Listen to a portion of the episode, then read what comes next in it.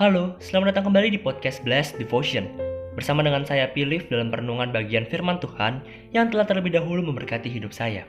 Saya berdoa agar setiap perenungan firman yang dibagikan melalui podcast ini juga dapat dipakai Tuhan menjadi berkat bagi setiap kita yang mendengarkannya. Teman-teman, dalam episode kali ini saya rindu untuk mengajak kita untuk bersama-sama merenungkan Mazmur pasal yang ke-77, ayat yang pertama sampai dengan ayat yang ke-21. Saya akan membacakannya bagi kita semua. Untuk memimpin biduan menurut Yedutun Mazmur Asaf. Aku mau berseru-seru dengan nyaring kepada Allah. Dengan nyaring kepada Allah supaya ia mendengarkan aku. Pada hari kesusahanku, aku mencari Tuhan. Malam-malam tanganku terulur dan tidak menjadi lesu. Jiwaku enggan dihiburkan. Apabila aku mengingat Allah, maka aku mengerang. Apabila aku merenung, makin lemah lesulah semangatku. Engkau membuat mataku tetap terbuka. Aku gelisah sehingga tidak dapat berkata-kata. Aku memikir-mikir hari-hari zaman purbakala, tahun-tahun zaman dahulu aku ingat. Aku sebut-sebut pada waktu malam dalam hatiku. Aku merenung dan rohku mencari-cari. Untuk selamanyakah Tuhan menolak dan tidak kembali bermurah hati lagi? Sudah lenyapkah untuk seterusnya kasih setianya? Telah berakhirkah janji itu berlaku turun-temurun? Sudah lupakah Allah menaruh kasihan atau ditutupnyakah rahmatnya karena murkanya? Maka kataku, inilah yang menikam hatiku, bahwa tangan kanan yang maha tinggi berubah. Aku hendak mengingat perbuatan-perbuatan Tuhan. Ya, aku hendak mengingat keajaiban-keajaibanmu dari zaman purbakala. Aku hendak menyebut-nyebut segala pekerjaanmu dan merenungkan perbuatan-perbuatanmu. Ya Allah, jalanmu adalah kudus, Allah manakah yang begitu besar seperti Allah kami? Engkaulah Allah yang melakukan keajaiban. Engkau telah menyatakan kuasamu di antara bangsa-bangsa. Dengan lenganmu engkau telah menebus umatmu, Bani Yakub dan Bani Yusuf. Air telah melihat engkau ya Allah, air telah melihat engkau lalu menjadi gentar, bahkan samudera raya gemetar.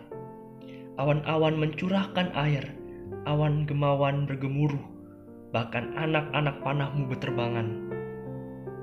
Deru gunturmu menggelinding, kilat-kilat menerangi dunia, bumi gemetar dan bergoncang. Melalui laut jalanmu dan lorongmu melalui muka air yang luas, tetapi jejakmu tidak kelihatan. Engkau telah menuntun umatmu seperti kawanan domba dengan perantaraan Musa dan Harun. Teman-teman, suatu hari ada seorang pemuda yang sudah mapan pekerjaannya dan sedang menjalin hubungan yang serius dengan seorang pemudi selama hampir lima tahun belakangan. Pemuda ini sangat mengasihi sang pujaan hatinya tentu saja. Setiap hari mereka chattingan, menelpon, dan seminggu dua kali pemuda ini selalu menyediakan waktu untuk bertemu dengan kekasihnya. Lima tahun yang mereka lewati bagi pemuda itu seperti baru terjadi kemarin sore. Sudah banyak sekali rancangan masa depan yang dipikirkan pemuda itu bersama dengan kekasihnya yang begitu ia kasihi ia telah mengenal keluarga pemudi itu dengan baik dan sebenarnya tak lama lagi ia akan memasuki tahap perencanaan untuk masuk ke hubungan yang lebih serius. Pemuda itu bahkan telah menceritakan kepada keluarganya. Dengan wajah yang girang dan penuh harapan, pemuda itu menceritakan rencananya ke depan bersama sang kekasih. Namun naasnya, seminggu sebelum rencana besar sang pemuda untuk melamar kekasihnya, sang pemudi menelpon dan melakukan pemutusan hubungan pacar secara sepihak dengan tiba-tiba. Aku rasa kita selama ini udah nggak cocok. Aku merasa selama ini aku udah nggak mencintai kamu. Maaf ya hubungan kita selesai sampai di sini saja Tak sempat mengatakan apa pun, sang pemuda terdiam menatap layar handphone yang sekarang gelap tanpa ada tanda-tanda sang pemudi masih akan menelponnya kembali dan menyatakan bahwa itu semua hanyalah lelucon. Perlahan-lahan semua kenangan manis seolah menerjang kepala pemuda itu. Dia masih terdiam. Kemudian semua rencana-rencana indahnya mulai bercampur baur dengan ingatan manis bersama sang mantan kekasih. Kali ini, dengan rapuh dan lirih pemuda itu berlutut di samping tempat tidurnya dan menangis. Teman-teman, Mazmur 77 yang kita baca tadi adalah sebuah Mazmur ratapan. Sebagai orang Kristen mungkin saat ini sudah jarang kita mendengar seseorang mengajak kita untuk meratap ya. Alasannya karena kita telah ditebus dan menjadi milik Kristus, maka seharusnya kita terus bersuka cita seperti yang dikatakan Paulus. Akan tetapi sebenarnya teman-teman ketika kita meratap, saat itulah kita menyadari sukacita yang besar hadir dalam hidup kita. Jadi meratap atau ratapan itu adalah bagian yang penting sekali dalam iman kekristenan. Di bagian awal Mazmur ini, pemazmur menunjukkan ekspresi seseorang yang telah berdoa dan berdoa dan berdoa kepada Tuhan. Tetapi seolah Tuhan tidak menjawab atau bahkan menolong. Hal ini kemudian menuntun pemazmur di bagian berikutnya. Ia mulai mempertanyakan Tuhan. Apakah Tuhan tidak akan bermurah hati kembali? Sudah lenyapkah kasih setianya? Sudah lupakah Allah berbelas kasih? Pertanyaan-pertanyaan itu muncul karena keputusasaan dan penderitaan sang pemazmur ketika baginya Tuhan tidak memperhatikan dirinya saat dia berseru kepada Tuhan. Dari ayat 1 sampai ayat 11 kita bisa merasakan nuansa ratapan yang begitu dalam dari seorang pemazmur. Namun menariknya dari ayat ke-12 sampai 21 justru memiliki nuansa yang berbeda. Coba teman-teman baca kembali Mazmur 77 ayat 12 sampai 21. Semuanya bermula dari ayat 12 ketika sang pemazmur mengingat-ingat apa yang Tuhan perbuat di masa lalu. Nuansa ratapan yang begitu menusuk kini digantikan dengan nuansa penuh harapan ketika pemazmur mengingat apa yang Tuhan sudah lakukan di masa lalu. Teman-teman, Tuhan telah menyelamatkan bangsa Israel dan menuntun mereka keluar dari tanah Mesir menuju tanah perjanjian. Tuhan sendiri yang menuntun bangsa Israel dengan tangannya yang ajaib di dalam konteks orang-orang Ibrani, peristiwa keluarnya mereka dari tanah Mesir merupakan sebuah peristiwa sejarah yang besar dan secara turun-temurun mereka ceritakan kepada anak cucu mereka. Peristiwa itu menggambarkan Allah yang setia dan hadir di tengah-tengah umatnya, menuntun dan menyelamatkan hidup mereka. Teman-teman ini adalah hal yang menarik bagi saya secara pribadi Ilustrasi yang saya ceritakan sebelumnya adalah usaha saya menggambarkan bagaimana manusia biasanya meratap. Putus dengan pacar saya rasa sudah menjadi bagian dari kehidupan hampir setiap manusia lah, setiap orang. Terutama di kalangan usia muda. Ya mungkin gak setiap orang, tapi sebagian dari orang itu sudah pernah merasakan putus cinta. Wajar saja kalau pemuda itu menjadi lebih sedih ya, menjadi sedih dan merasa hancur. Karena kini semua harapan yang ia bangun selama lima tahun telah diluluh lantakan dengan dua kalimat sederhana 2-3 kalimat sederhana dari orang yang sangat ia kasihi. Menariknya kini semua kenangan-kenangan indah yang pernah uh, terjadi antara pemuda itu dan kekasihnya malah menjadi kenangan pahit dan menyedihkan baginya. Sehingga ketika dia mengingat kenangan-kenangan itu, maka dia menyadari bahwa harapan-harapan yang dia bangun tidak akan mungkin lagi terjadi di depannya. Dan berakhir sampai di situ saja, menjadi angan-angan semata. Teman-teman, ini sangat kontras sekali dengan ratapan yang dilakukan oleh pemazmur. Sebaliknya ketika pemazmur mengingat perbuatan Tuhan, perbuatan ajaib yang Tuhan lakukan di masa lalu, hal itu malah membawa sebuah pengharapan dan nuansa yang baru dalam ratapannya. Teman-teman pemuda yang putus cinta tadi tahu harapannya sudah tidak ada lagi di masa depan dan akan berbeda tentunya masa depannya. Berbeda dengan pemazmur yang tahu Tuhan tidak pernah berubah dan kesetiaannya tetap turun-temurun. Tuhan tidak pernah meninggalkan umatnya dan ia membuktikan itu melalui sejarah perbuatan tangannya yang ajaib yang terus ia nyatakan dari zaman ke zaman. Inilah yang menjadi perbedaan besar dari ratapan pemuda itu dengan ratapan sang pemazmur. Bagi sang pemazmur ada harapan dan tetap ada harapan ketika ia mengingat apa yang Tuhan sudah perbuat.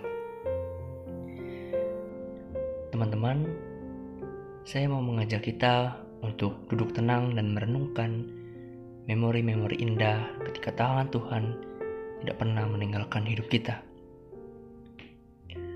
Ketika kita punya segudang masalah hidup, entah itu masalah yang di masa lalu, masalah yang saat ini sedang kita hadapi, atau itu masalah-masalah yang kita takutkan muncul di masa depan. Kita yang masih hidup di dalam di tengah-tengah dunia yang berdosa, yang semakin lama semakin pekat dalam kegelapan. Saya rasa kita yang masih mengalami pengudusan tetap bergumul dengan dosa, tetap tidak lepas dari masalah. Tetapi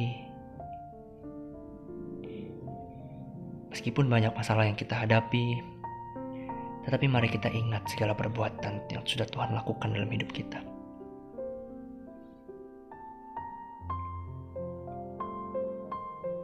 Ada satu memori yang selalu menguatkan saya dalam kondisi terpuruk apa pun yang sedang saya hadapi. ketika Kristus menyerahkan nyawanya, dipukuli, dihina, dicambuk, dicaci maki, dipaku, dan digantung sampai mati di atas kayu salib. Teman-teman Yesaya 53 ayat 4 mengatakan, Tetapi sesungguhnya penyakit kitalah yang ditanggungnya, dan kesengsaraan kita yang dipikulnya. Padahal kita mengira dia kena tulah, dipukul dan ditindas Allah.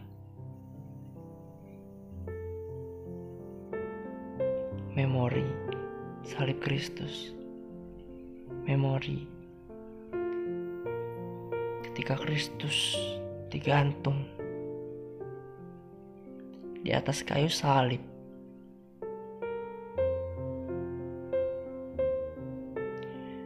Teman-teman, di tengah dunia yang gelap dan penuh penderitaan, di tengah masalah-masalah yang sedang kita hadapi, di tengah-tengah pandemi yang gak ada ujungnya ini. Mari kita ingat salib Kristus. Kita ingat Tuhan kita telah mati untuk kita. Satu kali untuk selama lamanya. Dan itu sudah cukup untuk menjadi bukti bahwa dia tidak akan pernah meninggalkan kita.